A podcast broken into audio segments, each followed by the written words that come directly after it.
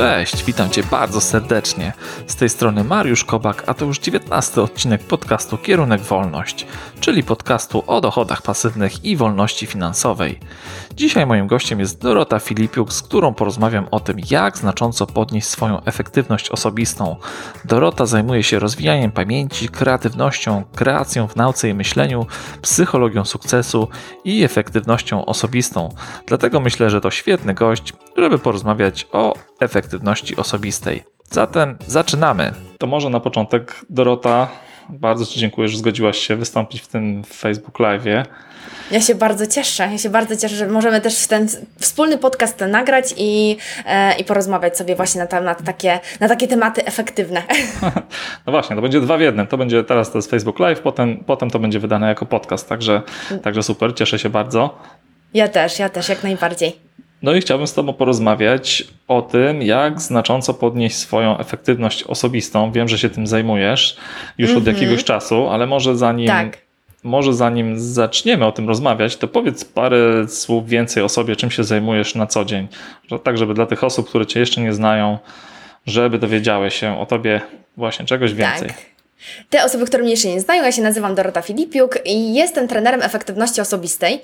E, studiowałam psychologię i stwierdziłam, że to nie może być tak, że tylko psycholodzy mają poznawać te tajemne, e, tajemną wiedzę na temat tego, w jaki sposób my funkcjonujemy, ale warto jest e, szerzyć tą wiedzę jak, e, jak najszerzej, tak aby właśnie każda osoba, e, która chciałaby działać efektywniej, która chciałaby odnosić sukcesy w życiu, która chciałaby mieć po prostu łatwiej, E, żeby widziała takie rezultaty, e, no i żeby, żeby po prostu zmienić swoje życie. Więc e, ja zajmuję się obecnie tym, żeby właśnie uczyć ludzi tej efektywności osobistej, wykorzystywania swojego potencjału, efektywnej nauki. No okej, okay. dzięki. To jest mnóstwo, mnóstwo rzeczy, które wymieniłaś. Mm -hmm. A ja może dodam jeszcze trochę, bo to, co wyczytałem na Twoim blogu, to widziałem, że zajmujesz mhm. się rozwijaniem pamięci, kreatywnością, tak, tak. kreacją tak. w nauce. I myśleniu, psychologią sukcesu, efektywnością mhm. osobistą, no jest mnóstwo fajnych rzeczy. Mhm. A, ale czy to znaczy, że każdego można zaprogramować na sukces, czy każdy, kiedy zastosuje odpowiednie metody, to może osiągnąć swoje cele życiowe? Mhm. Znaczy, zobacz, to też jest tak, że my często mamy takie wrażenie, że jak mówimy zaprogramować kogoś na sukces, to się tak wydaje, że my sobie pójdziemy do jakiejś takiej osoby, która e, pociągnie za odpowiednie sznurki, która przyczepi no, tam elektrodę w tą e, i, inną stronę, tak? I, I wtedy na pewno wszystko sobie podziała. Ja jestem e, jednak zwolenniczką determinizmu i to, że my spotykamy takie, a nie inne osoby na naszej drodze, to, że się wychowujemy w takim, a nie innym środowisku, to, że weźmiemy do ręki taką, a nie inną książkę, ma ogromny ogromny wpływ na to, w jaki sposób my myślimy, a później na to, jak działamy, jakie mamy nawyki, w jaki sposób, nie wiem, mamy, nie wiem, przekonania o życiu, co ma ogromny wpływ na to później e, też, jak funkcjonujemy. Więc e, to nie jest tak oczywiście, że my tu mamy sobie kogoś programować, ale to, co jest dla mnie też taką ogromną misją życiową, to jest to, żeby pokazywać ludziom, e, że warto jest się zastanawiać nad sobą. Co dla Ciebie znaczy sukces? Bo jestem absolutnie pewna, że wszystkie osoby, które nas czy oglądają, oglądają, czy, czy będą słuchać, e, zupełnie inaczej mogą podchodzić do tego tematu. I dla każdego ten sukces może oznaczać co innego. Dla jednej osoby to będzie spanie na furze pieniędzy, dla innej osoby to będzie świetnie poukładane życie osobiste, dla jeszcze innej osoby to jest po prostu życie z pasją, e, a dla kogoś innego to będzie, nie wiem, wędrowanie po całym świecie i po prostu nie martwienie się o nic innego. Więc e, to, co jest takie najważniejsze, jeśli chodzi też o taką efektywność osobistą, o ten sukces właśnie, to jest uświadomienie sobie, czego my tak naprawdę w życiu chcemy.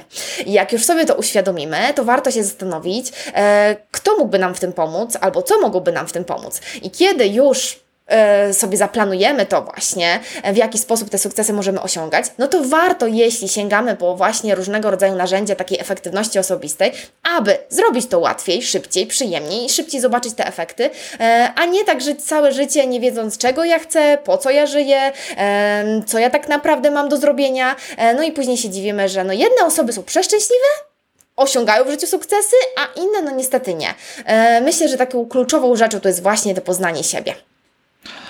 A co byś doradziła takim osobom, które tak naprawdę nie wiedzą, co chcą w życiu, co chcą w życiu mhm. robić? Na przykład chodzą do pracy, mhm. czas upływa, na takim normalnym trybie życia, ale nie są do końca szczęśliwe, no czegoś, czegoś im brakują i tak naprawdę może nie do końca lubią swoją pracę mhm. i nie wiedzą, co mogło dawać by im jakąś satysfakcję. Co byś doradziła takim osobom? Jak, jak odnaleźć właśnie to, co dawałoby w życiu satysfakcję i szczęście mhm. i pozwoliłoby łatwiej osiągać sukces? Czy są jakieś metody mhm. na to?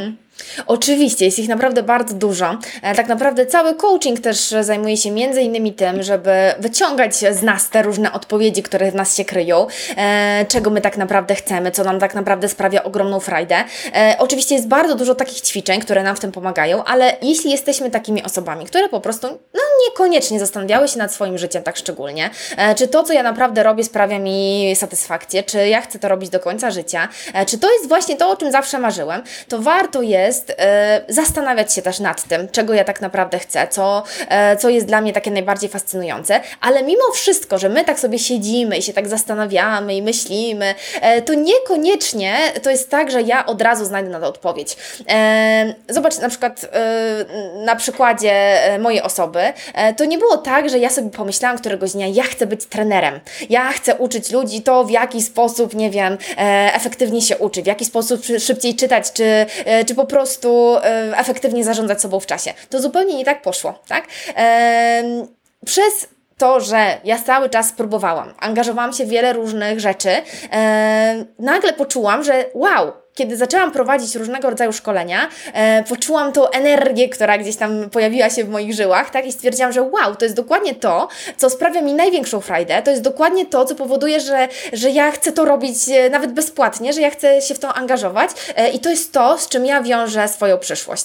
E, I dlaczego o tym mówię? Bo bardzo dużo osób myśli, że kiedy pójdzie sobie do doradcy zawodowego, pójdzie sobie do jakiejś osoby, e, która, no nie wiem, zajmuje się właśnie coachingiem, to dostanie gotową odpowiedź odpowiedź. Słuchaj, ja tutaj Ci zadam dwa pytania i od razu Ci powiem, że masz iść w to czy tamto. Absolutnie tak to wygląda. Tak naprawdę, im więcej my sobie eksplorujemy, im więcej ludzi poznajemy, im więcej doświadczamy tego życia, e, nie wiem, wyjeżdżamy, e, angażujemy się w różnego rodzaju działania, jako studenci wykorzystujemy to do angażowania się w jakieś, nie wiem, e, akcje społeczne, różnego rodzaju jakieś stowarzyszenia studenckie. I im więcej tego robimy, sprawdzamy się w różnych sytuacjach, tym większe prawdopodobieństwo tego, że będzie taka sytuacja, która powie nam, że to jest dokładnie to, że to jest właśnie co coś, co powoduje, że my e, mamy mm, rumień, rumienie, rumieńce tak, na, na naszej twarzy i chcemy po prostu działać. Więc ja bardzo do tego zachęcam, żeby tylko nie siedzieć i nie myśleć, ale przede wszystkim angażować się w różne rzeczy, sprawdzać, takie cały czas testować, być taką osobą, która mówi, a sprawdzę jeszcze tą jedną opcję, a sprawdzę, a może kolejną rzecz znajdę dla siebie. E, I dlatego też czasami mamy takie wrażenie, że my nie mamy nic, a są takie osoby, które i potrafią grać, i uwielbiają teatr, i uwielbiają czytać, nie wiem, kryminały, i angażują się w różne jeszcze inne rzeczy. Skąd one to wiedzą? Jak to jest niesprawiedliwe?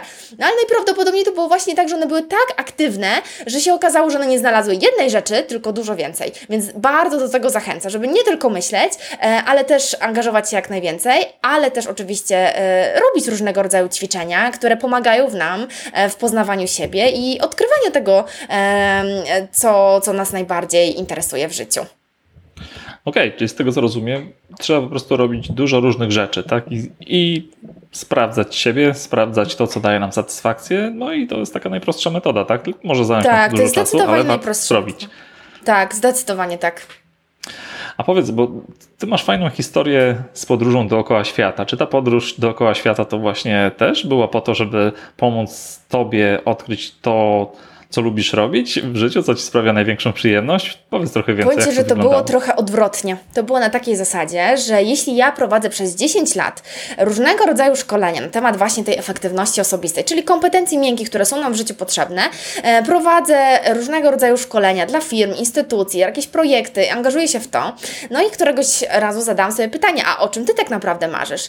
E, no i pojawiła się e, ta myśl, że chciałabym oblecieć kulę ziemską dookoła, chciałabym wyjechać w taką podróż dookoła świata. No i to było po prostu jak takie wyzwanie postawione samej sobie, że co, uczysz tego, żeby ludzie tutaj e, realizowali swoje cele, a sama nie będziesz realizowała swoich, więc tak naprawdę to było od pomysłu do realizacji, to, to było tak naprawdę kwestia tylko i wyłącznie tego, aby e, nagle swoją pracę, która no, nie była zdalna, zamienić na pracę zdalną. E, i tak naprawdę ten czas przygotowania się do e, tej podróży poświęciłam właśnie na to, aby, aby zamienić tą swoją pracę taką e, wyjazdową na taką pracę, którą mogę wykonywać z każdego zakątka świata. Więc tak to mniej więcej wyglądało.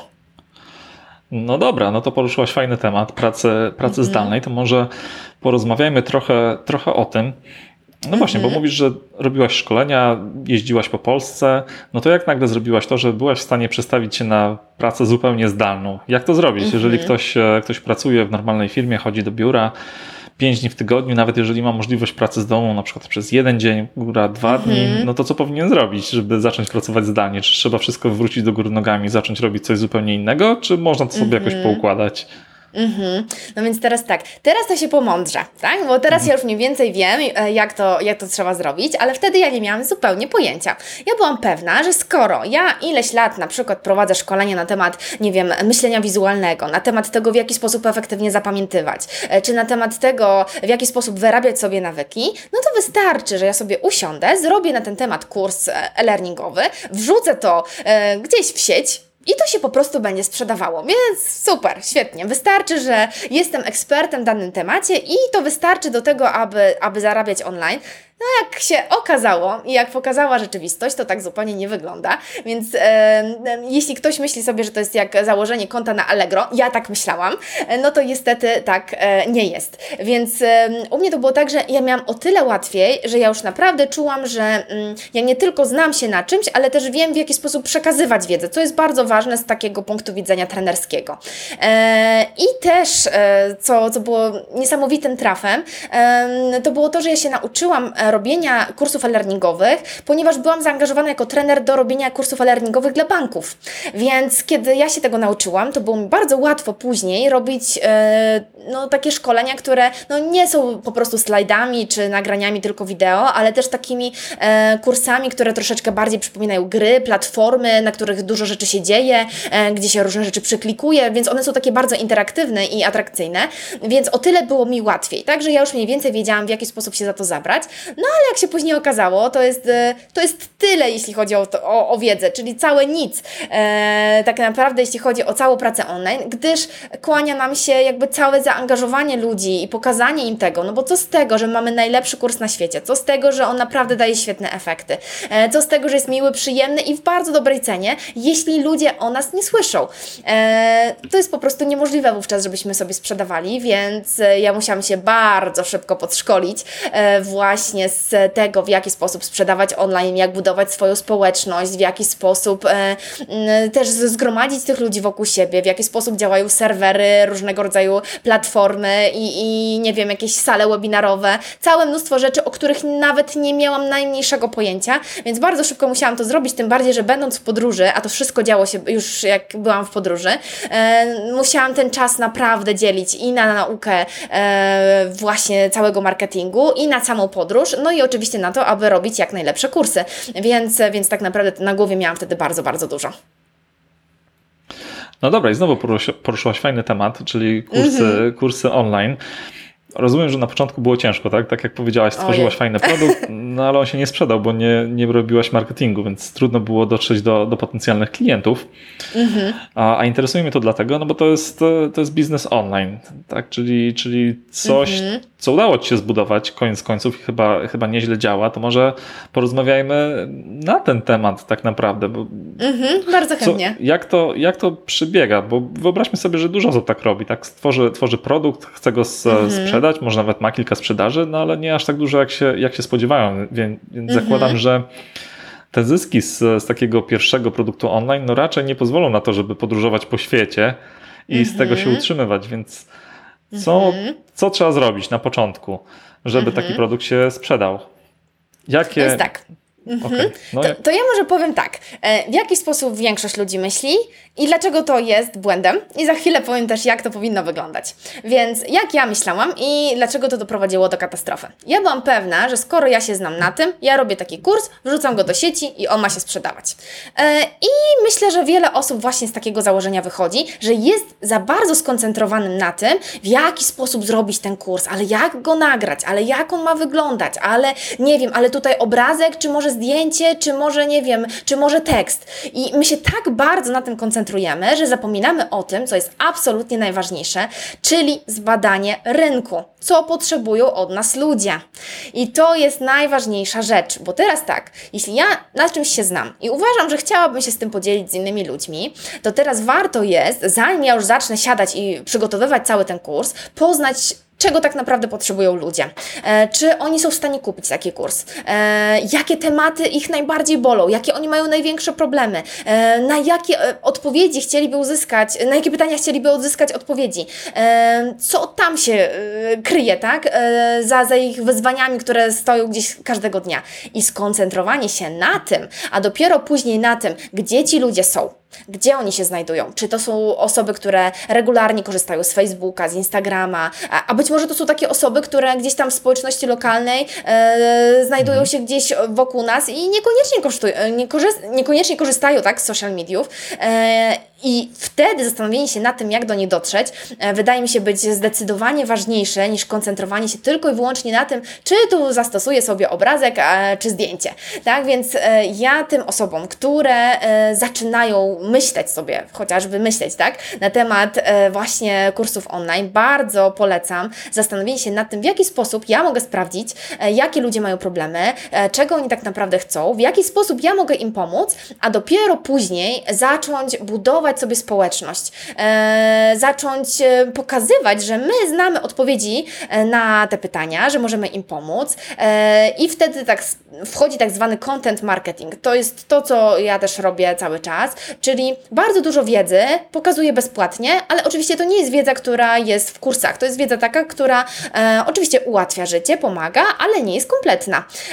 Czyli znajdziecie mnóstwo filmów, na przykład na moim YouTubie, dotyczącym tego, w jaki sposób efektywnie działać, jak zmieniać swoje nawyki, w jaki sposób lepiej zapamiętywać, ale to nie jest cały system krok po kroku, bo on znajduje się w kursach.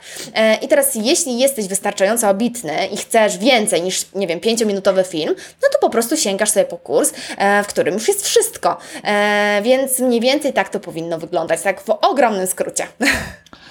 No dobra, no to tak naprawdę powiedziałaś mnóstwo, mnóstwo rzeczy, to może rozbijmy to na, mhm. na części. Na, Bo interesuje mnie ta część badania, badania potrzeb. Może zdrać, jak na początku tak naprawdę badałaś potrzeby swoich przyszłych klientów? Bo zakładam, że jeszcze nie miałaś dużych zasięgów, a już, już chciałaś wyjść od, od potrzeb klientów i stworzyć coś, coś dla nich. Czyli tak, więc... możesz zdradzić mm -hmm. jakieś kilka, jedną, dwie, może trzy metody na właśnie mm -hmm. na mhm. badanie potrzeb, skoro od tego trzeba wyjść. Tak, więc na początku ja tego nie wiedziałam. Ja byłam pewna, że skoro ja po prostu mam, nie wiem, świetny kurs na temat, nie wiem, nawyków, no to przecież każdy go kupi. Tak? Każdy przecież wie, że nawyki to jest w ogóle klucz do sukcesu i to jest to, co nam najbardziej pomoże i, i, i pozwala zapominać o motywacji. No ale jak się okazuje, tak to na rynku jednak nie wygląda. E, więc e, e, ja niestety popełniłam te błędy. Natomiast obecnie, kiedy przygotowuję nowe kampanie, e, kiedy przygotowuję jakieś nowe produkty, to już nie popełniam tego błędu i przygotowuję różnego rodzaju ankiety. E, są to ankiety często, które kieruję bądź na moją bazę mailingową, bądź na YouTubie, bądź w różnego rodzaju grupach, które są na Facebooku i zbieram dane, które dotyczą właśnie różnego rodzaju problemów w danej dziedzinie e, i tam proszę ludzi o to, aby mi pomogli e, znaleźć właśnie te najbardziej e, problematyczne rzeczy w ich życiu, dotyczące na przykład nie zarządzania sobą w czasie, czy nauki, czy, czy jeszcze jakiegoś innego tematu. I wówczas tak z tego jestem w stanie wyciągnąć bardzo bardzo wiele rzeczy, które są mi oczywiście potrzebne, więc same przygotowanie takiej ankiety też już jest bardzo pomocne e, właśnie w tym, aby poznać, jakie to są potrzeby. To, co mi też bardzo pomaga, to jest rozmowa z innymi ludźmi. E, często proszę moich klientów nawet na rozmowy takie telefoniczne, na których rozmawiam po prostu z nimi. E, to, że ja prowadziłam przez 10 lat szkolenia, to też jest oczywiście duże doświadczenie w tym, na co ludzie najczęściej narzekają, co im sprawia największe problemy, jakie to są takie punkty zapalne, zapalne, więc mi to bardzo ułatwiło przygotowanie samych kursów, e, no bo wiedziałam doskonale, co sprawia im największy problem, a co jest najłatwiejsze, jaki przykład najbardziej do nich trafia, a jaki najmniej, jakie ćwiczenia najbardziej e, pomagają im wzrastać, więc, więc to było na tyle, e, na tyle łatwe, że miałam już takie bardzo bogate doświadczenie, ale nawet jeśli ktoś nie ma takiego doświadczenia, to warto jest zaprosić nawet obce osoby i myślę, że to byłoby najlepsze, bo rodzina często się wstydzi, bo że się boi, żeby nam powiedzieć e, coś szczerze, e, a kiedy zapraszamy sobie obce osoby, żeby przetestowały na przykład nasz produkt i powiedziały, czy, e, czy jest wystarczająco dobry, co można w nim zmienić, jak można go udoskonalić, wówczas nam daje to rzeczywiście świetny, e, świetny feedback i jest dużo łatwiej e, taki produkt później sprzedać.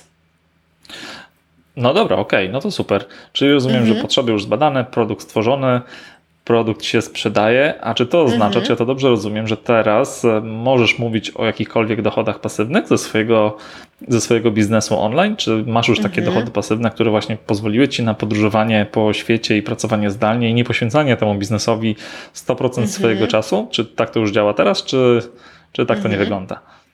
No właśnie, ja też powiem Ci szczerze, że byłam e, pewna, że e, biznes online to jest właśnie dochód pasywny, tak? Czyli ja wstawiam kurs, on się sprzedaje, a ja jadę na wycieczkę.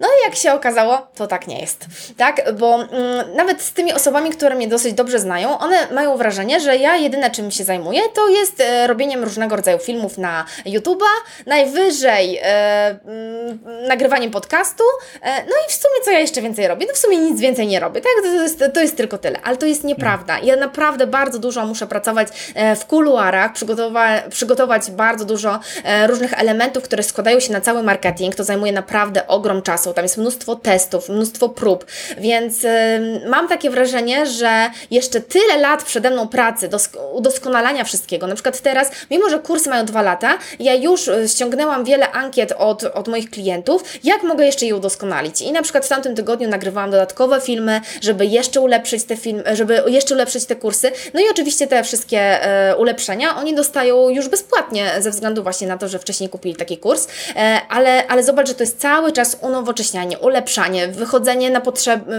ku potrzebom tak, swoich klientów e, i to jest cały czas budowanie społeczności, dochodzenie do nowych osób.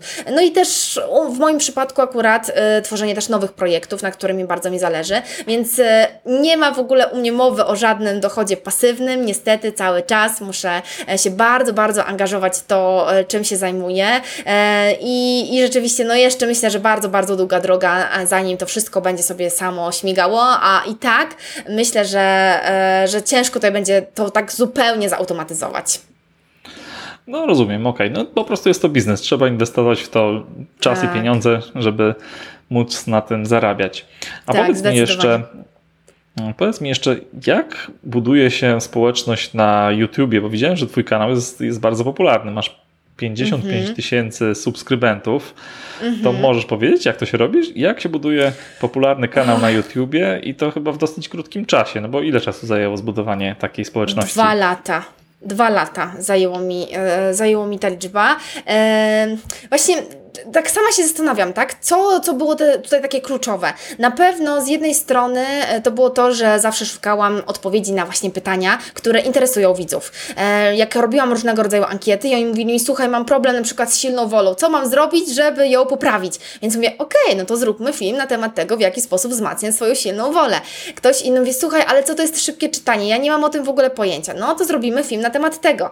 E, I tak dalej, więc to było często tak, że po prostu ludzie dawali mi różnego rodzaju pomysły na to, jak tworzyć e, content właśnie na, na YouTube'a, ale to też jest tak, że kiedy później zaczęłam tworzyć sobie e, całą bazę e, mailingową, gdzie tam już jest ponad 70 tysięcy osób i tam cały czas też kierować ruch, to, to jest zdecydowanie łatwiejsze, żeby później pozyskiwać nowe osoby. Tak samo, kiedy prowadzę grupy, czy, czy na przykład zdobywcy superkompetencji na Facebooku, czy, czy bardzo dużo, no ponad 300 tysięcy osób wzięło udział w webinarze na temat tego, w jaki sposób efektywnie pracować z tekstem. Wow, Więc 300 e, to tysięcy? jest 300 tysięcy. Ja dzisiaj specjalnie sprawdziłam. E, dokładnie to było 319, e, 319 215 osób. Więc jak e, specjalnie przed tym webinarem chciałam, e, przed tym nagraniem tak chciałam zobaczyć, ile osób wzięło w nim udział, więc to jest naprawdę ogromna liczba. No i wiadomo, że część z tych osób też wejdzie sobie później na YouTube'a i zasubskrybuje, więc, więc mniej, mniej więcej tak to wygląda. Ciężko mi tutaj podać taką super receptę. Na pewno warto jest patrzeć, co ludzi interesuje. Na pewno warto jest zadbać o to, aby kliknęli, czyli e, zadbać o to, jaki, jaki będzie tytuł, jakie będzie zdjęcie. E, więc to są takie rzeczy e, jesz- jeszcze zanim ktoś w ogóle obejrzy film. Później wiadomo, że warto jest zadbać o to też, żeby ta forma była całkiem atrakcyjna. E, ja inwestuję w to, aby e, filmy były rysowane ręcznie, więc e, na oczach wszystkich osób rysowane są tak wszystkie rysunki, które dotyczą właśnie danego filmu. I to jest bardzo angażujące, więc dzięki temu też em, rośnie mi bardzo e, jakby procent oglądania danego filmu, co dla YouTube'a jest bardzo atrakcyjne, tak? Im dłużej ktoś ogląda dany film, nie przełącza go na inny, e, tym chętniej go później promuje też sam, więc dzięki temu też łatwiej jest e, zdobyć e, kolejnych oglądających, więc no mniej więcej tak to wygląda. Na pewno specjalistką od tego nie jestem, ale oczywiście cieszę się, że właśnie dzisiaj 55 tysięcy e, subskrybentów e, m, pojawiło się na moim kanale. No tak, to jest naprawdę bardzo fajny wynik. A dwa lata to chyba nie jest aż tak strasznie dużo czasu na, na budowanie kanału na YouTubie. To jest raczej maraton. Myślę, że jeśli nie jest to temat e, właśnie, nie wiem, makijażowy, czysto jakiś e, taki rozrywkowy, tylko bardziej dotyczący rozwoju osobistego, tego, żeby tam popracować nad sobą, to myślę, że to jest bardzo dobry wynik. Ja przynajmniej jestem zadowolona. No ja też tak myślę. A powiedz, Mhm. bo cały czas rozmawiamy o Twoim biznesie online, to czy jesteś w stanie powiedzieć jeszcze parę jakichś fajnych metod, których używasz do promowania swojego biznesu online? Jak to teraz wygląda? Oprócz No więc teraz YouTube'a. tak, to znowu, te, żeby, żeby to było też em, przydatne dla tych osób, które myślą o tym, e, najgorsze to jest to, i ja też to oczywiście zrobiłam, dlatego też, też mówię o tym, że to jest po prostu najgorsze, e, typu, hmm, Popromuję się wszędzie, tak? Wymyślę sobie, że po prostu wszędzie, nie wiem, będą moje reklamy, wszędzie będę wszystko robiła. E, zajmę się po prostu wszystkim bez jakiegokolwiek planu, bez jakiejkolwiek strategii. Jejku, to po prostu powoduje taką frustrację, bo nagle się okazuje, że robi się takie posty świetne na Facebooku, a nagle Facebook tnie niesamowicie zasięgi. Nagle się okazuje, że mamy mnóstwo pracy, a tak naprawdę efektów zero. E, nie wiem, pracujemy sobie nad jakimiś tam e, elementami naszego biznesu, zajmuje nam to mnóstwo czasu, a się okazuje, hmm, nikt za bardzo z tego nie korzysta, więc ja do tego nie zachęcam. Zachęcam natomiast do tego, aby rzeczywiście zastanowić się nad tym, komu my pomagamy, a następnie zastanowić się, e, jaki my możemy przygotować e, dla tej osoby tak zwany ten właśnie content marketing, czyli bezpłatne materiały, które będą dla tej osoby naprawdę bardzo atrakcyjne. E, I jeśli te materiały są naprawdę atrakcyjne, to ta osoba bardzo chętnie odda nam swojego maila za, za właśnie takie materiały. I teraz ten mail to jest najważniejsza rzecz. Teraz dlaczego?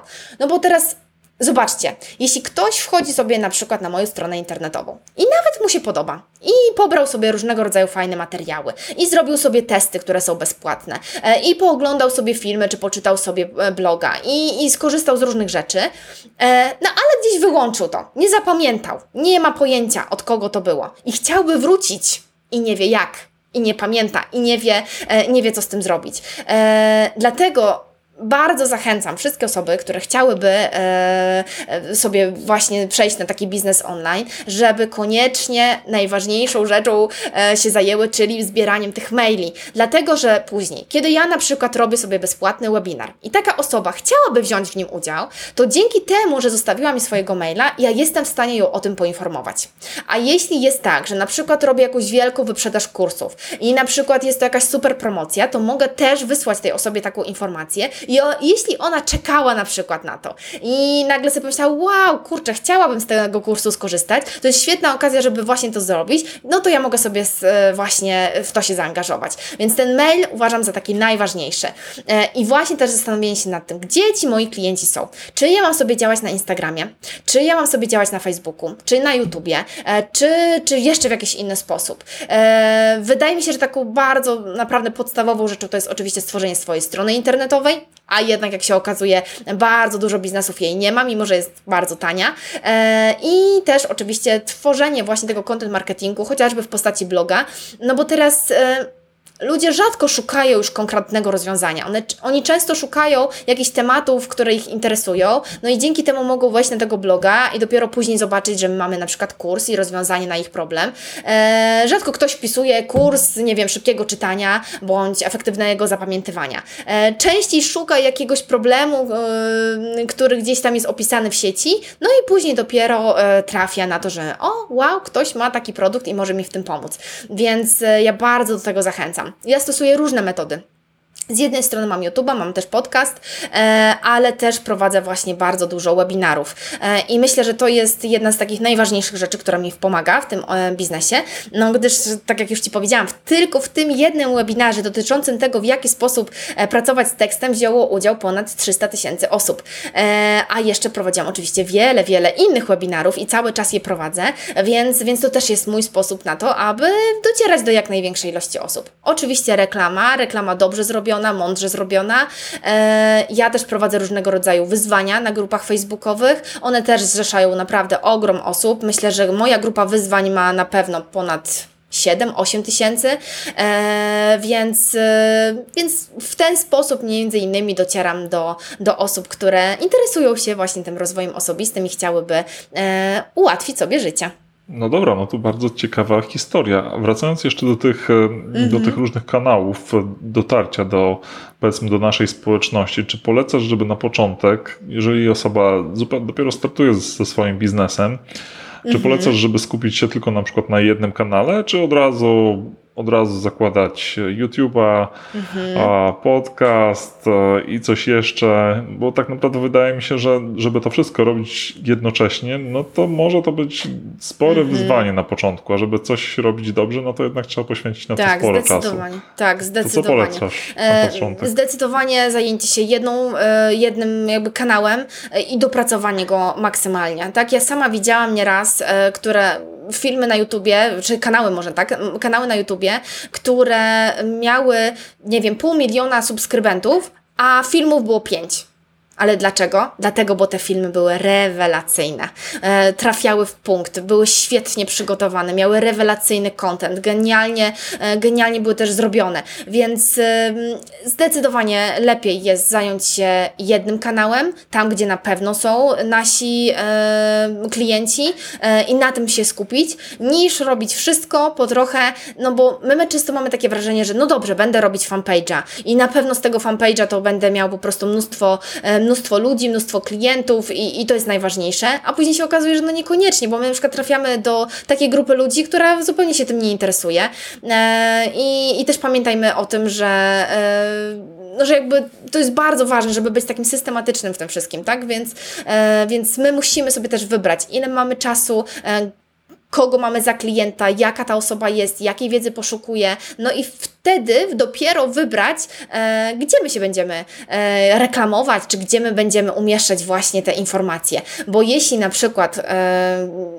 w moim przypadku, tak? Ja sobie wybrałam e, bloga, e, wideo bloga, no i dzięki temu ja jakby cały czas mogę tą samą treść pokazywać i na YouTubie, i, i w podcaście, bo po prostu są takie osoby, które wolą oglądać, są takie osoby, które lubią posłuchać. E, a to, że prowadzę dodatkowo fanpage, to jest też po to, żeby mówić ludziom, słuchaj, teraz jest właśnie nagrany podcast, czy teraz jest nagrany, nagrany film i dodatkowo różnego rodzaju też posty przygotowywać, po to, żeby też promować te treści. Ale to, co, to, co dla mnie jest jakby takie najważniejsze, to jest właśnie właśnie ten blog. Więc e, myślę, że najważniejsze to jest właśnie wybranie tego, gdzie jest mój klient, co on robi, w jaki sposób on kupuje, co go interesuje. I, i wtedy to jest dużo łatwiejsze, żeby wybrać, w jaki sposób my będziemy do niego docierać. No właśnie, a mi się wydaje, że blog to jest takie centralne miejsce, do którego tak naprawdę powinniśmy kierować, czy to z YouTube'a, no bo na YouTubie tak mhm. naprawdę my nie, nie jesteśmy w stanie pozyskać e-maili naszych, e, naszych subskrybentów. Tak samo na Facebooku. No, te, teoretycznie na Facebooku pośrednio tak. się da, ale no bezpośrednio to raczej ciężko. Czy Dokładnie na innych kanałach tak. społecznościowych tak samo, tak? No nie pozyskamy tych adresów mailowych, przynajmniej, przynajmniej nie wprost i dodatkowo to nie są nasze platformy, o tym trzeba pamiętać. Dokładnie. Facebook już pociął zasięgi. -hmm. YouTube możliwe, że też to zrobi za, za jakiś czas i każe sobie płacić za reklamy. -hmm. a nasz blog to jest nasza własność, tak samo jak nasza lista mailingowa, o której powiedziałaś. No to jest rzeczywiście bardzo mm -hmm. ważna i istotna rzecz, żeby zacząć ją świadomie budować, no bo to jest, to jest nasza własność i możemy z nią robić co chcemy, tak? Tutaj najszybciej tak, możemy dotrzeć tak. do, do tych ludzi. Maile tak naprawdę to jest takie no coś mhm. bardzo intymnego i każdy ma maila. Tak, konto na Facebooku, no, no nie każdy mhm. ma, a maila w zasadzie ma każdy, nawet kilka maili. Więc to cały czas. Tak, myślę, tym bardziej, że, że zobacz, że jeśli my tworzymy rzeczy, które naprawdę online. ludziom ułatwiają życie, jeśli my naprawdę chcemy im pomóc, jeśli my naprawdę docieramy do tego, co ich boli, e, to to nie jest tak, że jejku, oni chcą mojego maila, tylko to jest tak, wow, naprawdę dostanę to bezpłatnie, naprawdę mogę sobie z tego skorzystać. Oczywiście, że chcę to dostać. I to jest tak, że jeśli ja na przykład daję maila osobom, które chcę, żeby mi wysyłały e, rzeczy e, różnego rodzaju, tak, czy to będzie jakiś newsletter, czy to będzie informacja o podcaście, o webinarze, czy o innych rzeczach, to ja się z tego bardzo cieszę, bo jeśli ja wiem, że ta osoba daje ciekawy content, jeśli ona pomaga mi naprawdę w życiu, to ja się nie mogę wręcz doczekać, kiedy ta osoba wyśle mi tego maila z informacją e, o tym, że jest jakaś, nie wiem, promocja, że robi bezpłatny webinar, że, e, że jest nowy jakiś wpis na blogu. E, ja mam wiele takich osób, które z ogromną przyjemnością śledzę i to jest tak, że ja bardzo się cieszę i się wręcz nie mogę doczekać, kiedy dostanę od nich kolejnego maila, więc jeśli dobrze to robimy, to, to, to właśnie tak powinno wyglądać. No, dokładnie tak. Dorota, powiedz, powiedz jeszcze coś takiego, no bo trochę odpłynęliśmy od głównego tematu nagrania, od efektywności osobistej. Zeszliśmy mm -hmm. na temat biznesu online, który mnie bardzo interesuje, mm -hmm. ale mm -hmm. powiedz może, jak to zrobić, żeby wydłużyć dobę? Czy to jest w ogóle możliwe? No bo w dzisiejszym, w dzisiejszym świecie mamy dużo obowiązków. Jeżeli ktoś chce rozwijać biznes online, to, za, to często jest to taki dodatkowy biznes poza regularną pracą na etacie. Mhm. No, i, no i właśnie, co zrobić w takim wypadku? Jak dodać sobie parę dodatkowych mhm. godzin dziennie na to, żeby móc pracować nad mhm. tym, co nas interesuje. Niestety wróżką nie jestem. Nie mam wpływu absolutnie na czas. No i nie da się tej doby wydłużyć i jedyne, co możemy zrobić, to tak to, to so, nami, nami samymi tak zarządzać, więc mówi się tutaj o tym zarządzaniu sobą w czasie, a nie czasem właśnie ze względu na to, że no niestety nie da się nic z tym czasem mhm. zrobić, ale my już możemy zupełnie e, inaczej e, funkcjonować, kiedy wiemy, w jaki sposób tym e, kiedy wiemy tak, jak funkcjonujemy w tym czasie. To jest bardzo ważna rzecz, bo teraz zobacz, są takie dni, kiedy mamy nawał obowiązków, mamy mnóstwo rzeczy do zrobienia i jakoś się okazuje, że wszystko zrobiliśmy i jeszcze mieliśmy trochę wolnego czasu. A są takie soboty, kiedy wstaniemy i nie mamy nic do roboty i zaplanowaliśmy sobie, że dzisiaj to po prostu się relaksujemy, oglądamy filmy, czytamy książkę i, i się okazuje, że po prostu ten dzień, pół dnia, nie wiem, przygotowywaliśmy obiad, przechodziliśmy w szlafroku i się tak okazuje, że ani nie wypoczęliśmy, ani nic nie zrobiliśmy i w ogóle jakaś beznadzieja. No i co? Tu mamy, mamy 24 godziny, tu mamy 24 godziny. Jak to jest możliwe, że czasami działamy po prostu na pełnych obrotach, e, jakoś wszystko nam się e, w rękach pali, a innym razem, jejku, mam dwa, dwa zadania, mógłbym mieć pół dnia wolnego, a się okazuje, że to się wszystko rozciąga. No i jakby wiedzę na ten temat, w jaki sposób to wszystko działa, e, co powoduje, że my jesteśmy bardziej efektywni, co powoduje, że my szybciej działamy, co powoduje, że nie odkładamy rzeczy na później, e, jest no niesamowicie cenna właśnie po to, abyśmy mieli tego czasu więcej. E, dla mnie czas jest absolutnie najważniejszym zasobem. E, ja cenię, go sobie naprawdę niesamowicie, no bo pieniądze zawsze można odrobić, tak? Czasu nigdy się nie cofnie i, i, i niestety jest to taki zasób, który się bardzo szybko może wyczerpać. No i Rzeczywiście, warto jest stosować różnego rodzaju takie sposoby, aby nam e, jakby pomogły w tym, abyśmy lepiej wykorzystywali tą dobę. Właśnie wtedy, e, kiedy się okazuje, że my chcielibyśmy i odpoczywać, i rozwijać pasję, i rozwijać biznes, i mamy dzieci, i jeszcze różne inne rzeczy się gdzieś tam pojawiają. No i wiadomo, no chcielibyśmy z tego wszystkiego Dokładnie. sobie skorzystać. Więc jest wiele sposobów właśnie na to, co, co my możemy zrobić, aby, aby no, wydawało się, że ta doba jest jakaś taka dłuższa. No właśnie, ale o to pytam, to co możemy zrobić? Co możemy zrobić? E, to, co jest takie jakby kluczowe, takie podstawowe, bo oczywiście sposobów jest bardzo dużo i najlepiej jest wprowadzać cały system razem, a nie tylko poszczególne jakieś elementy, ale to jest to, żeby bardzo pracować na priorytetach. E, bez względu na to, co, co robimy w naszym życiu, zawsze jest tak, że są takie czynności, które nam dają niesamowite efekty, a są takie, które efektów nie dają, a często jeszcze na nich jakoś tracimy. Więc warto się przede wszystkim skoncentrować na tym, co daje nam najlepsze rezultaty i zawsze od tego zaczynać. E, czy ja nie mam tak, że chciałabym robić jeszcze wiele, wiele różnych projektów? Ojejku, pomysłów mam tyle, że tak naprawdę to musiałabym mieć, nie wiem, e, tą dobę, która trwa 96 godzin, żeby mogła się z tym wszystkim wyrobić. No ale oczywiście jest to niemożliwe, więc zawsze koncentruję się na tym, co mi daje najlepsze efekty, co mi daje najlepsze zyski, co jest takie najlepsze dla mnie i zawsze od tego zaczynam swój dzień. Gdyby e, na to mi nie starczyło czasu, to byłabym bardzo stratna, ale jeśli nie starczy mi czasu na rzeczy, które są mniej priorytetowe, mniej ważne, no to wtedy już nie jest to takie straszne, więc to jest bardzo ważna rzecz. E, wiemy doskonale, że jeśli nie mamy koncentracji uwagi, wówczas mniej efektywnie działamy, więc warto jest zadbać o to, aby ta koncentracja uwagi była jak najwyższa, e, abyśmy byli skoncentrowani przynajmniej przez te 45 minut, godzinę na jednej rzeczy, którą robimy, nie rozpraszali się mailami, nie rozpraszali się, nie wiem, Facebookiem, e, telefonem i tak dalej, tylko w pełni koncentracji działali sobie na jakimś zadaniu. E, robili przerwy. My często patrzymy na przerwy jako na stratę czasu, tymczasem jest wręcz odwrotnie. Im więcej dbamy też o to, aby ten umysł był świeży, wypoczęty, tym lepiej, więc warto jest też wziąć to pod uwagę, aby te przerwy e, bardzo regularnie w modułach naszego, e, nasze, naszego czasu pracy bądź nauki się pojawiały, więc no, to jest dużo różnych sposobów właśnie na to, ale ja bym zaczęła od właśnie od priorytetów i od tego, aby bardzo dbać o takie środowisko swojej pracy, między innymi polegające na e, odseparowaniu się od bodźców i takiej wysokiej koncentracji uwagi. No dobra, fajne uwagi, czyli co? Czyli wyłączamy komórkę albo przynajmniej powiadomienia, wyłączamy powiadomienia w Mhm. komputerze, też w przeglądarce, skupiamy się na jednym zadaniu, czy na wielu zadaniach? Właśnie multitasking jest fajny, czy raczej nie jest fajny i nam przeszkadza Mhm. W efektywnej Multi, pracy? multitasking jest fajny, ale tylko i wyłącznie wówczas, kiedy jedna z czynności, którą wykonujemy, jest w pełni zautomatyzowana i nie wymaga żadnego myślenia od nas. Czyli na przykład ja sobie słucham podcastu podczas, nie wiem, krojenia marchewki na obiad. Robię to codziennie na przykład i e, jestem w stanie się na tym skupić. Wówczas multitasking jest jak najbardziej w porządku. Natomiast e, jeśli my uważamy, że jesteśmy bardzo efektywni, bo teraz siedzimy nad projektem, w międzyczasie odbieramy telefon, odpisujemy na maila, zamawiamy coś, nie wiem, na, na Allegro e, i do tego jeszcze zajmujemy się, nie wiem, jedzeniem e, i różnymi jakimiś innymi rzeczami, to absolutnie nie. Okazuje się, że to może obniżać nawet iloraz inteligencji, e, wydłuża jakby wykonanie każdego z tych zadań jest bardzo nieefektywne, gdyż wymaga od tego, abyśmy przerzucali swoją uwagę z czynności na czynność, co jest dla naszego mózgu dosyć mocno energochłonne, więc zdecydowanie lepiej jest wykonać jedną czynność i przejść do kolejnej. Na pewno zajmie nam to więcej czasu i na pewno jakość wykonania każdej e, z tych czynności będzie zdecydowanie lepsza. No dobra, a jeszcze Cię pociągnę trochę za język o tą efektywność Mhm. osobistą. A co z czytaniem? Bo wiem, że zajmujesz się też tym, efektywnym czytaniem, czy Mhm. szybkim czytaniem.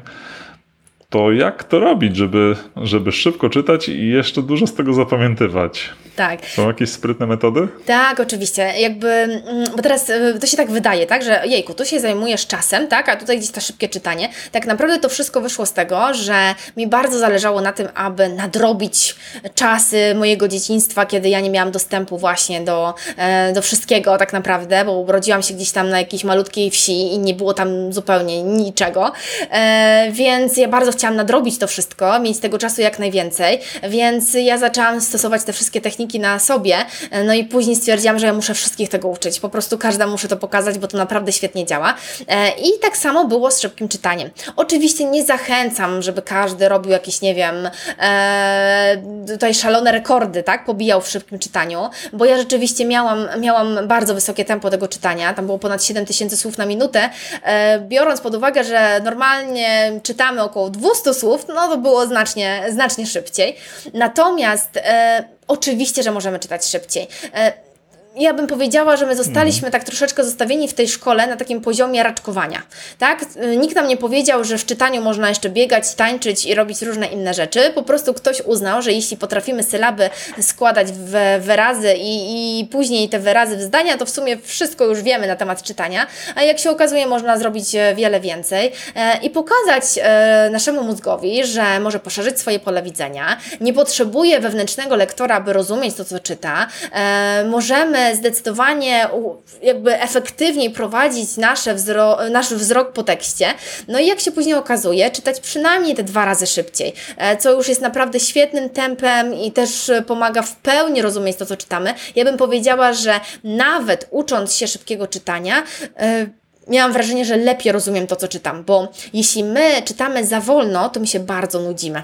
Tak, ten mózg nie, nie dostaje wystarczająco dużo informacji e, jeśli jeszcze do tego nie stosujemy jakichś e, efektywnych technik nauki dotyczących właśnie kreatywności, dobre, dobrego rozwijania wyobraźni, no to po prostu się strasznie nudzimy. No i nie dziwne, że my czytamy i co chwilę tracimy wątek, więc e, ja bardzo zachęcam do tego, aby uczyć się niekoniecznie też tylko szybkiego czytania, ale tego efektywnego, aby z jednej strony przyspieszyć tempo, tak, czytać ze wskaźnikiem, nauczyć się jak to robić poprawnie, poszerzyć swoje pole widzenia, oduczyć się wewnętrznego lektora e, i na to są konkretne sposoby, konkretny trening, który e, trwa około 30 dni i jak najbardziej możemy to zrobić i e, ja zawsze gwarantuję, że, że osoba, która ukończy u mnie taki kurs minimum dwukrotnie e, przyspieszy swoje tempo, ale są oczywiście takie osoby, które do mnie dzwonią i mówią, słuchaj, 7 razy szybciej, tak, więc udało się, tak, ba bardzo się z tego cieszę, a dodatkowo oczywiście uczą się też tego, żeby jak najwięcej pamiętać, rozumieć i uczyć się tego, żeby być skoncentrowanym, żeby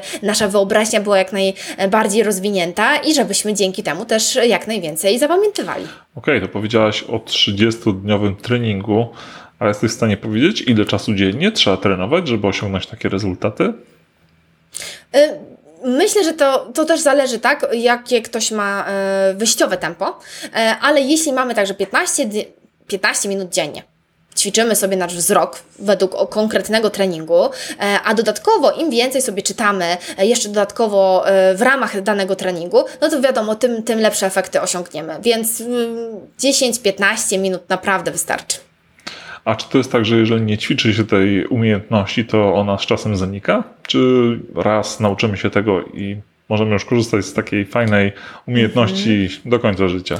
Więc to jest tak, że jeśli nauczymy się tego wszystkiego, ale przestamy, przestaniemy czytać, tak? Nagle się okazuje, że po prostu stwierdziliśmy, że książki są beznadziejne, e, to teraz jeśli zaczniemy znowu czytać, to oczywiście nie będziemy mieli takiego tempa, jak wtedy, kiedy byliśmy w najlepszej formie. To jest dokładnie troszeczkę tak jak, nie wiem, schodzeniem na siłownię, tak? Więc no warto jest to tak, tak cały czas utrzymywać, czyli po prostu korzystać z tego. To nie o to chodzi, żeby cały czas wracać do treningu, ale do tego, aby korzystać e, z tych umiejętności, które sobie nabyliśmy. Ale oczywiście e, możemy sobie wracać do tego treningu, znowu sobie coś przećwiczyć, znowu sobie coś sprawdzić e, i wówczas bardzo szybko osiągniemy wcześniejsze wyniki, a nawet możemy je poprawić.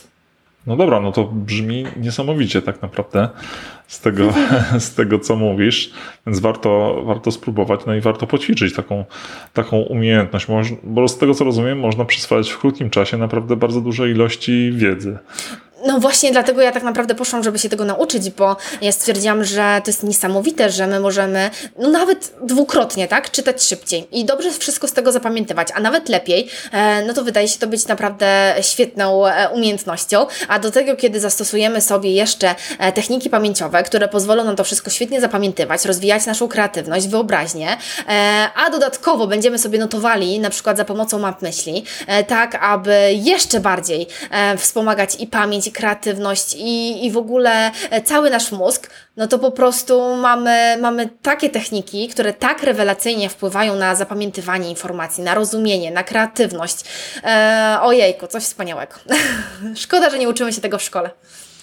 No okej, okay. mhm. to wymieniłaś mapę myśli, fajna metoda. A co jeszcze jest tak, takimi technikami na to, mhm. żeby zapamiętywać to, to, co się tak, czyta? Na pewno są to mnemotechniki, czyli właśnie takie techniki, które pomagają nam zapamiętywać informacje, które są nam potrzebne.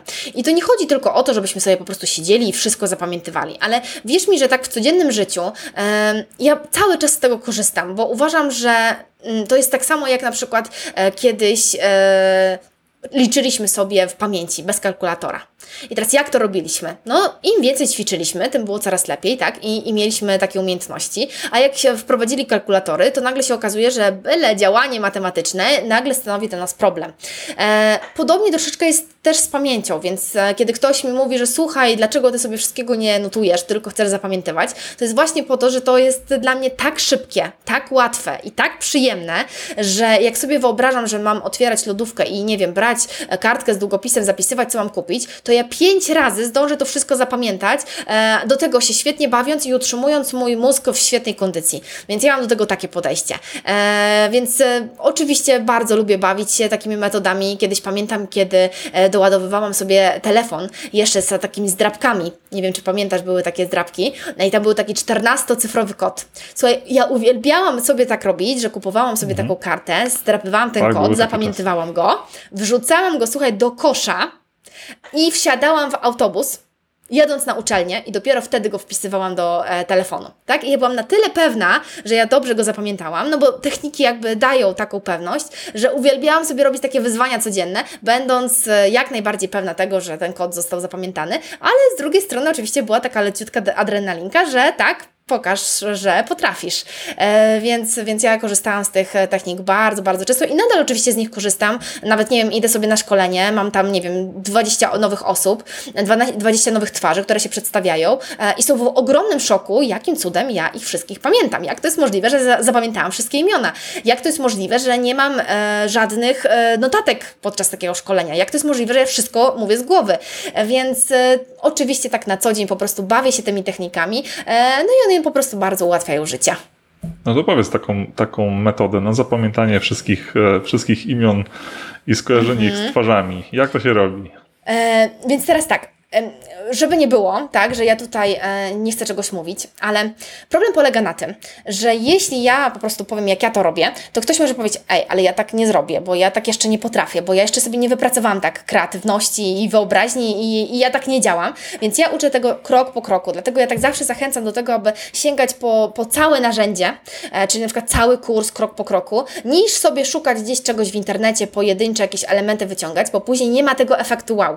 Dlaczego? Bo jeśli wprowadzam daną osobę krok po kroku, pokazuję jej, jak działa e, pamięć, w jaki sposób my zapamiętujemy, jak pracują e, skojarzenia, w jaki sposób może rozwijać swoją kreatywność, właśnie wyobraźnię, pokazuję, w jaki sposób tworzyć wspaniałe skojarzenia, to później, kiedy ja jej pokazuję technikę na zapamiętywanie imion, to ona mówi, przecież to jest banalnie proste.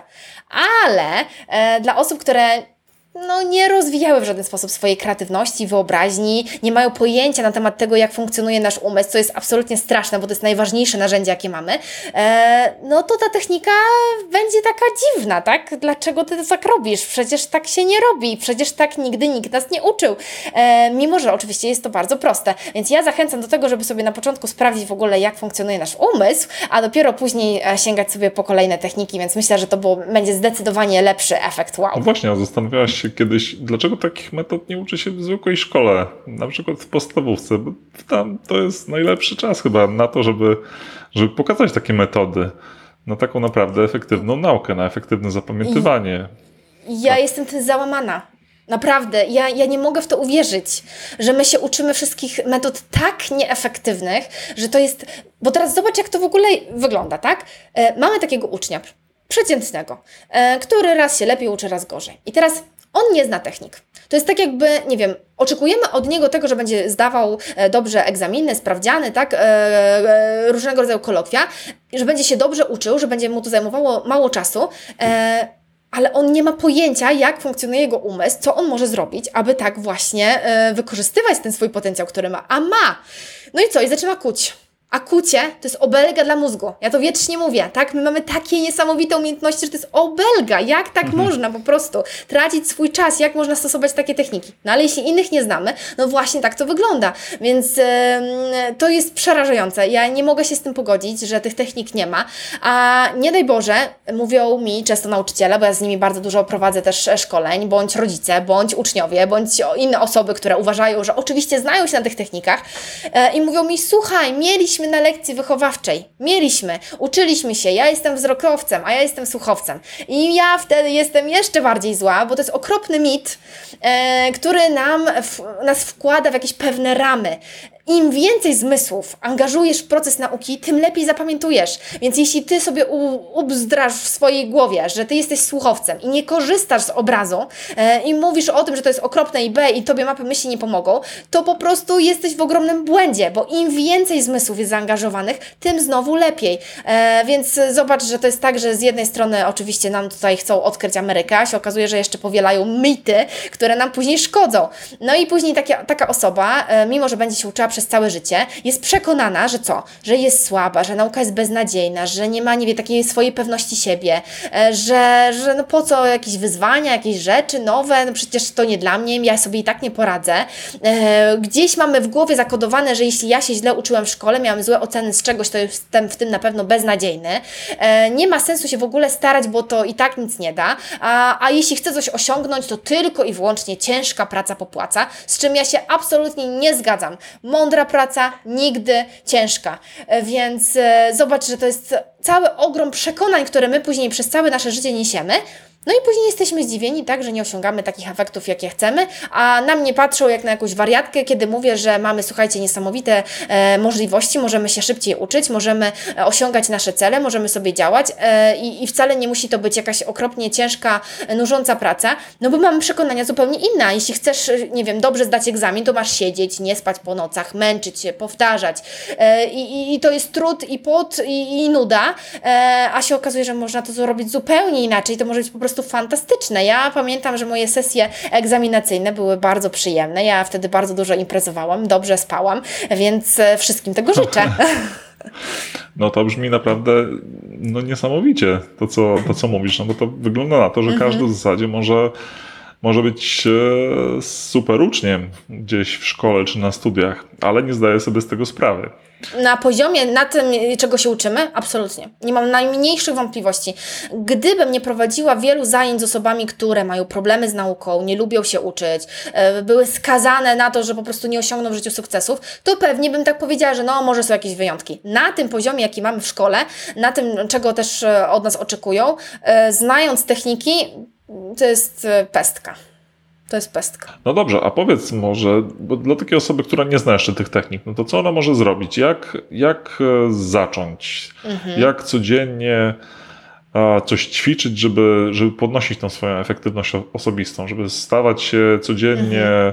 chociaż odrobinę bardziej sprawną osobą w tych, w tych wszystkich technikach zwiększających mhm. naszą efektywność. Znaczy, ja bardzo zachęcam do tego, e, żeby bez względu na to, co sobie wybierzecie, czy weźmiecie sobie kurs, który nie wiem, ja mam, czy e, ktoś inny, e, czy będziecie szukać informacji w książkach, w internecie, nie szukać sobie takich wyrywkowych informacji, typu tu sobie znajdę ćwiczenie na przykład na zapamiętywanie imion, tam sobie znajdę ćwiczenie na temat tego, w jaki sposób zapamiętywać języki obce, tam sobie gdzieś wyrwę ćwiczenie na temat koncentracji uwagi, i będę mieć wrażenie, że to wszystko już będzie pięknie działać. No nie, właśnie nie. Dlatego ja też nie jestem taka chętna za tym, żeby mówić pojedyncze techniki, e, bo później to jest tak, że ktoś jest taki, hmm, to tak nie zadziałało jak miało. Albo tak, czytałam o tym w książce, ale to na mnie tak nie działa.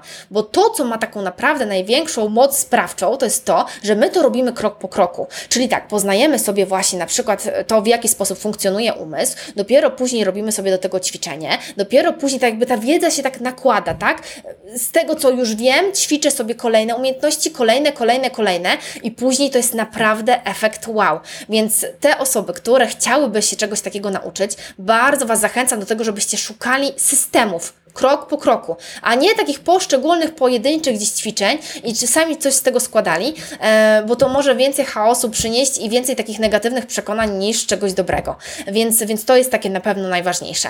Bardzo oczywiście zachęcam do tego, aby się zastanowić, do czego Tobie, e, drogi słuchaczu e, czy widzu, jest potrzebne właśnie stosowanie takiego rodzaju technik, bo uświadomienie sobie korzyści, które za tym idą, ma niesamowitą moc motywacyjną. Jeśli ja sobie wyobrażam, że na przykład nagle mam codziennie godzinę więcej czasu dla siebie, albo nauka jest dla mnie dużo ciekawsza, albo jestem ekspertem w swojej dziedzinie i dzięki temu będę dużo więcej zarabiać, albo nie wiem, nauka czegokolwiek na studiach podyplomowych, e, na różnego rodzaju kursach językowych. Przyjdzie mi dużo łatwiej i szybciej no to będzie Ci dużo łatwiej później wybrać e, też konkretny kurs czy konkretne narzędzia, które będą Ci w tym pomocne.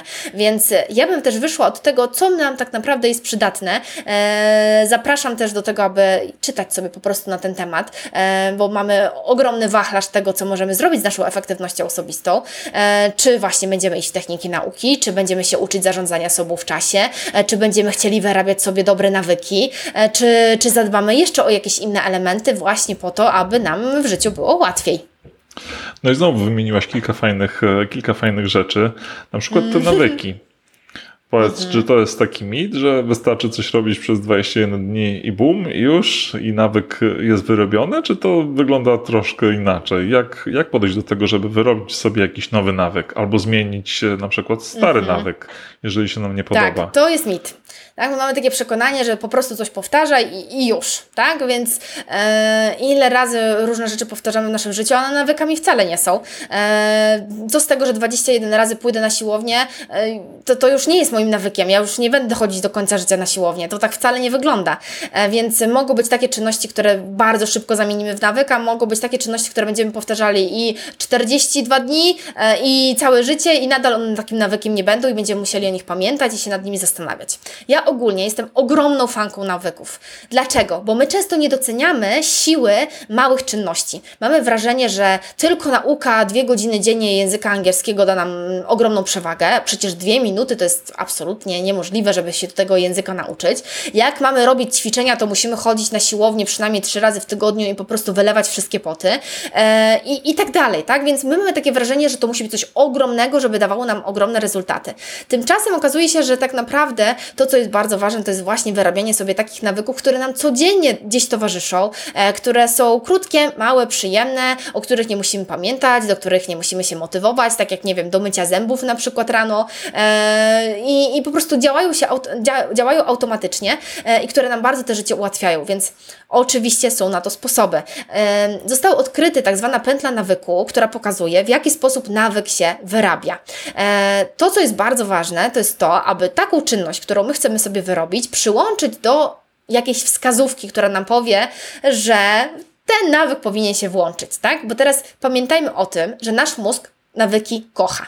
Dlaczego? Bo wtedy nie musi szczególnie jakoś się e, zastanawiać nad tym, co robi, wtedy sobie bardziej odpoczywa.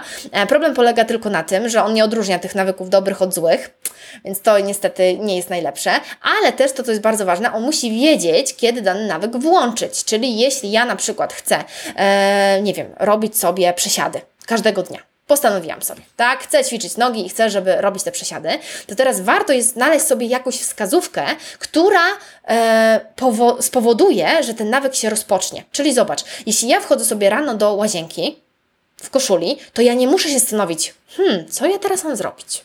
Co ja teraz powinnam tak? Od czego powinnam zacząć? Tylko najprawdopodobniej, jeśli moim nawykiem jest mycie zębów, to po prostu podchodzę, nakładam pastę i myję zęby. Nie muszę się na tym szczególnie zastanawiać, mogę sobie w tym czasie posłuchać podcastu e, i, i jakby to się dzieje. Dokładnie tak samo powinniśmy wyrabiać inne nawyki, czyli dać w jakiś sposób naszemu mózgowi informację, że nie za każdym razem, kiedy wchodzisz do łazienki, masz myć zęby, e, chyba że tak chcesz, e, tylko w jakiejś określonej czynności, w jakiejś określonej sytuacji. Czyli na przykład, ja mam akurat wyrobienie e, nawyku robienia codziennych przysiadów właśnie podczas mycia zębów.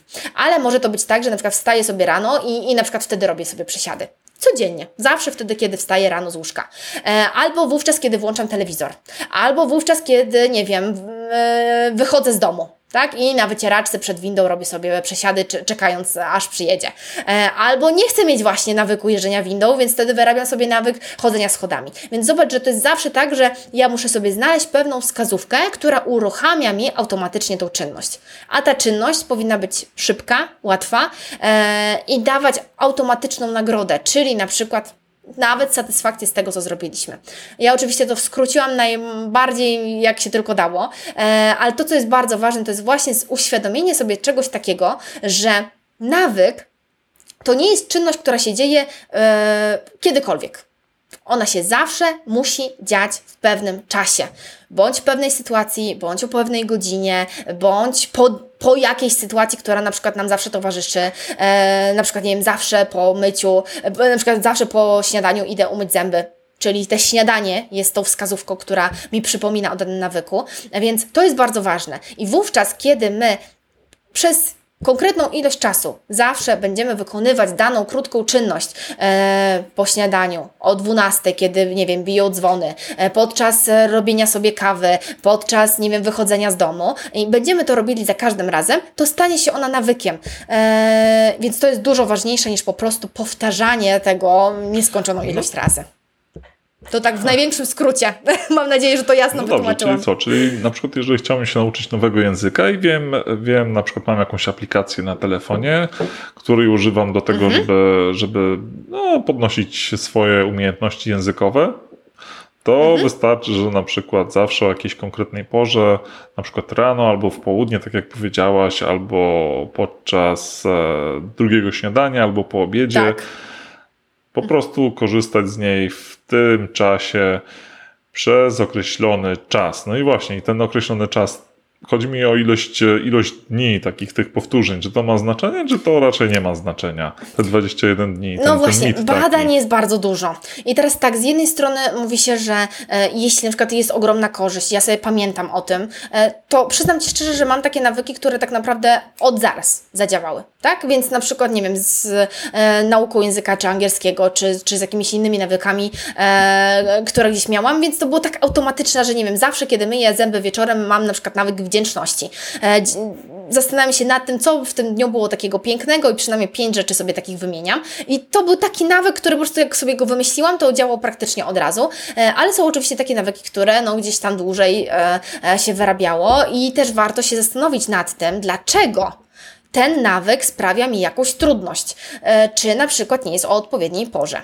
Czy na przykład podczas drugiego śniadania ktoś się nie rozprasza i okazuje się, że wtedy nie ma, nie wiem, nie masz przy sobie telefonu. E, Albo z niego nie korzystasz, albo się okazuje, że to nie jest dobra wskazówka, że ty podczas drugiego śniadania nigdy nie myślisz o angielskim i jest to dla ciebie ciężkie, więc wtedy na przykład warto jest, e, nie wiem, e, zainstalować sobie aplikację, która ma jakąś, jakieś powiadomienie, jakiś dzwoneczek, który nam o tym przypomni. Więc jest wiele sposobów na to, żeby się nad tym zastanowić, czy nawyk został dobrze wdrożony, bo może się okazać, że jakaś inna sytuacja byłaby lepsza do tego, aby ten nawyk przyłączyć.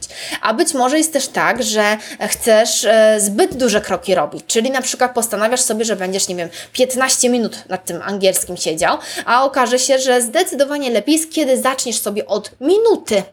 Po prostu nauczenia się włączenia tej aplikacji i nie wiem, zapamiętania sobie jednego słowa. I wyłączamy. Tak? I może się okazać, że to jest dużo lepsze, tak, do tego, że my małymi kroczkami e, po prostu wyrabiamy sobie dany nawyk, niż sobie myślimy, jeju, 15 minut, ja pierdzielę, nie chce mi się, jejku, dobra, jutro, nie?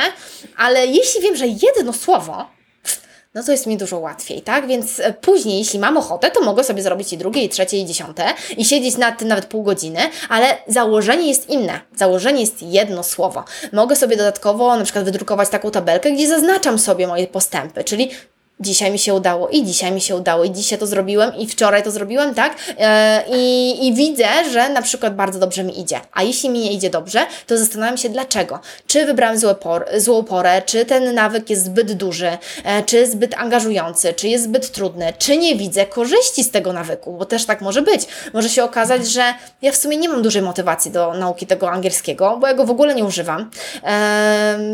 Filmów, filmy oglądam z lektorem, e, w pracy nie mówię po angielsku. W sumie e, przydarzy mi się czasami jakiś wyjazd, ale, ale i tak nie korzystam z tego angielskiego tak bardzo. I się okaże, że tutaj ta motywacja i brak tych korzyści powoduje, że my siebie sami sabotujemy, więc warto jest tutaj wiele e, elementów wziąć pod uwagę, czy te nawyki, które chcemy wyrabiać, e, rzeczywiście są e, wyrabiane poprawnie. No dokładnie. Powiedziałaś jedną rzecz, która mnie bardzo zainteresowała, ta wdzięczność. Dlaczego to praktykujesz? Bo szczerze mówiąc, ja mam też takie coś. Mam dziennik wdzięczności, dziennik sukcesów i też to praktykuję, ale do czego ty to wykorzystujesz? Po co ci ta wdzięczność? Bo tak samo jak mamy nawyki nauki języków, nauki e, ćwiczeń fizycznych, nie wiem, e, zdrowego jedzenia, tak samo mamy pewne nawyki e, myślenia. E, I teraz e, tak samo możemy sobie wyrobić nawyk tego, że wiecznie narzekamy, że jesteśmy niezadowoleni, że jak widzimy, że pada, to jest źle, jak jest sucho, to też jest źle, jak jest słońce, to razi, a jak nie ma słońca, to jest katastrofa i w ogóle kata wszędzie jest katastrofa, co by się nie działo. Ale możemy też sobie wyrabiać nawyki tego, że tutaj, gdzie mógłby się pojawić problem, my widzimy okazję, my widzimy wyzwanie, e, że tam, gdzie wszyscy narzekają, to my się zastanawiamy nad tym, e, co zrobić, aby to zmienić. E, I tak samo, jeśli chodzi o to, co dzieje się wokół nas. Kiedy byłam na Filipinach i widziałam, w jakiej skrajnej biedzie żyją tam ludzie. Wiedziałam, gdzie jadę, wiedziałam, co tam się będzie działo. Byłam pewna, że moje serce tam będzie po prostu krwawić, widząc, widząc tych nieszczęśliwych ludzi, a tymczasem Mam wrażenie, że oni byli e, dużo, dużo szczęśliwsi niż my. Widziałam ludzi uśmiechniętych, radosnych, którzy wychodzili do innych z uśmiechem, otwartymi ramionami e, i tak naprawdę nigdzie nie widziałam tak uśmiechniętych ludzi, mimo że tak biednych. E, więc e, to jeszcze bardziej pokazało mi, jak ważne jest to, żeby doceniać to, co my mamy, żeby się koncentrować na zasobach, które mamy. E, nie na tym, że jejku, ja nie jestem taka bogata i nie jestem taka piękna i nie jestem taka wspaniała i nie mam takiej rodziny i urodziłam się na wsi e, i, i i jeszcze, nie wiem, nie mam talentów i w ogóle wszystko jest straszne. Tylko na tym, co mam. E, I koncentracja na tym, docenianie tego, e, z czego mogę się cieszyć, e, to jest też mój e, jeden z patentów na to, w jaki sposób zmieniać swoje myślenie na takie pozytywne, na takie, które nam sprzyja, na takie, które daje nam siłę, które po, powoduje, że my działamy na naszych zasobach i na, i na tym pracujemy, niż na to, żebyśmy po prostu siedzieli, gorzknieli e, i jakby zarażali siebie później nawzajem tym, żeby narzekać i nie szukać tych rozwiązań. Ja mam takie wrażenie, że, że ludzie to po prostu uwielbiają. No właśnie, ja wykorzystuję to do tego, żeby podnosić swój poziom szczęścia.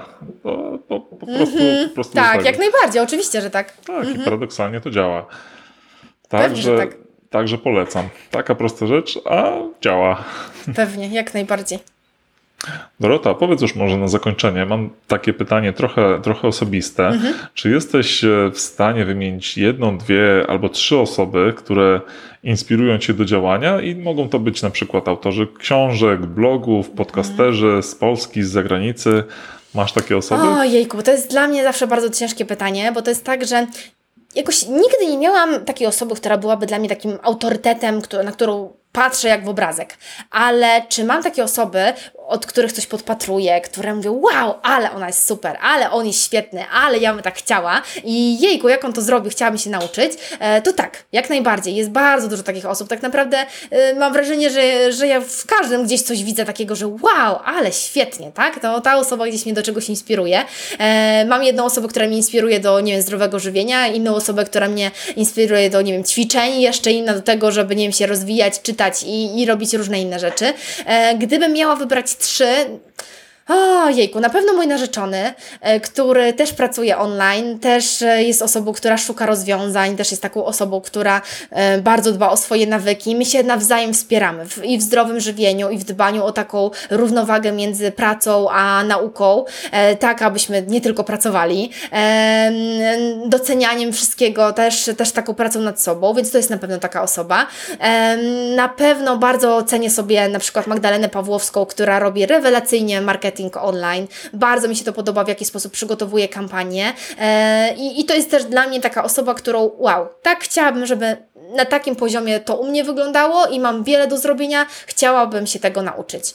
E, to, co bardzo pomogło mi w zmianie myślenia, pracy taką nad sobą, e, to jest cała filozofia stoicka. Jest mi bardzo bliska. E, oczywiście mam jeszcze bardzo dużo do zrobienia, ale praktycznie no, kiedyś codziennie, teraz troszeczkę rzadziej, medytuję sobie właśnie też ze stoikami, zastanawiam się nad tym, jakby co pokazywali swoim życiem, co przekazywali innym. Jest mi to bardzo, bardzo bardzo bliskie, więc może tutaj nie wymieniałabym konkretnego, konkretnej osoby, e, ale rzeczywiście cała ta filozofia jest mi bardzo, bardzo bliska. O! Antoni de Mello e, również. Cała zmiana myślenia, podejścia do świata, do życia, do siebie, e, do zazdrości, do innych ludzi. Coś pięknego. Wszystkim polecam. E, wspaniała praca, bardzo ciężka, bardzo trudna, ale dająca mhm. niesamowite rezultaty, więc, więc dla, mnie, dla mnie rewelacja. No, dzięki za wymienienie tych osób, całkiem, całkiem fajne. No i rzeczywiście wszystkie, mm-hmm. wszystkie kojarzę, więc się cieszę. Aha, super, super, fajnie. to powiedz już może tak na zakończenie, Mhm. gdzie można Cię znaleźć w internecie? Jak, jak się można z Tobą skontaktować? Mhm. Więc teraz tak, zależy kto czego słucha e, i e, czego szuka. E, więc e, jeśli e, lubicie słuchać podcastów, to oczywiście zapraszam na mój podcast Efektywność Osobista Dorota Filipiuk. Jeśli wolicie oglądać, to zapraszam na mojego YouTube'a. Tam wystarczy, że wpiszecie Dorota Filipiuk i już mój kanał się pojawi. Jeśli wolicie czytać, to wystarczy, że wejdziecie na moją stronę dorotafilipiuk.pl. E, a jeśli lubicie się angażować e, w to, co się dzieje w rozwoju osobistym, nie wiem, dzielić się e, swoją wiedzą, swoim doświadczeniem, rozmawiać z innymi ludźmi, to oczywiście na Facebooku znajdziecie też innymi grupę zdobywcy superkompetencji, grupę wyzwań. Tam też dużo osób dołącza przez cały czas, dzieli się swoją wiedzą, doświadczeniem. Tam się też sporo rzeczy dzieje, więc jeśli tylko macie ochotę, to oczywiście Was bardzo serdecznie zapraszam. No i bardzo fajnie to podsumowałaś. Prawie wymieniłaś wszystkie zmysły, którymi, które można wykorzystać, żeby się z Tobą skontaktować. Te, oczywiście są różnego rodzaju webinary, różne rzeczy, rzeczy, które gdzieś się dzieją, ale oczywiście ja wszędzie o tym informuję, więc, więc myślę, że będzie bardzo łatwo to znaleźć. No dobra, super. To bardzo Ci dziękuję za tę rozmowę. Bądźmy w kontakcie. No i podzieliłaś się Bardzo naprawdę się fajną porcją wiedzy. Mam nadzieję, że no, część ludzi, część naszych słuchaczy na pewno, na pewno skorzysta z tego i zacznie podnosić swoją efektywność osobistą, albo na pewno zacznie być bardziej świadomym tego, że, no, że można to robić. Ja mam taką nadzieję. Ja wiem, że to jest wszystko kropla w morzu, tak? My sobie rozmawiamy tam tylko ponad godzinę. Tak naprawdę na każdy temat moglibyśmy rozmawiać kilka dni. Natomiast e, zawsze mam takie przekonanie, tak? Że e, jeśli mogę coś robić lepiej, jeśli mogę coś robić szybciej, jeśli mogę w jakiś sposób ułatwiać sobie to życie, no to warto jest szukać tych rozwiązań. Jeśli na coś narzekam, bo nie wiem, odkładam wiecznie rzeczy na później, bo nie wiem, coś mi nie idzie, to nie siedź, nie narzekaj. Na pewno jest jakaś taka osoba na świecie, która wymyśliła na to sposób, która ma na to świetną receptę, fajne narzędzie, no i po prostu to znajdź, tak? Zastosuj w swoim życiu, ułatw sobie to życie, bo na tym polega ta efektywność osobista. Ja się bardzo bronię, e, żeby mieszać rozwój osobisty e, z tym, że my sobie słuchamy jakichś coachów przez eł, e, którzy mówią, możesz wszystko, działaj, rób, tak? I którzy tutaj nam na godzinę dadzą jakąś energię, bo to absolutnie nie działa, często jeszcze powoduje do większej frustracji, ale do tego, żebyśmy szukali rozwiązań i stosowali ich w życiu, jestem jak najbardziej zwolenniczką i do tego Cię bardzo, bardzo zachęcam. No dobra, super, czyli trzeba zacząć działać. Po prostu. Oczywiście, jak najbardziej. Okej, Dorota, to dzięki raz jeszcze za rozmowę. Dziękuję Ci bardzo. No i bądźmy w kontakcie. do Bądźmy w kontakcie. Na razie. Cześć, cześć, papa. Pa. Drogi słuchaczu, mam nadzieję, że rozmowa Ci się podobała. Na koniec mam do Ciebie małą prośbę. Jeżeli ten podcast Ci się podobał, napisz pozytywną opinię w serwisie iTunes lub w innej aplikacji, w której słuchasz tego nagrania. Będzie mi bardzo miło poznać Twoje zdanie, a dodatkowo pomożesz mi promować podcast i dotrzeć do szerszego grona odbiorców. Dzięki i do usłyszenia w kolejnym odcinku. Cześć!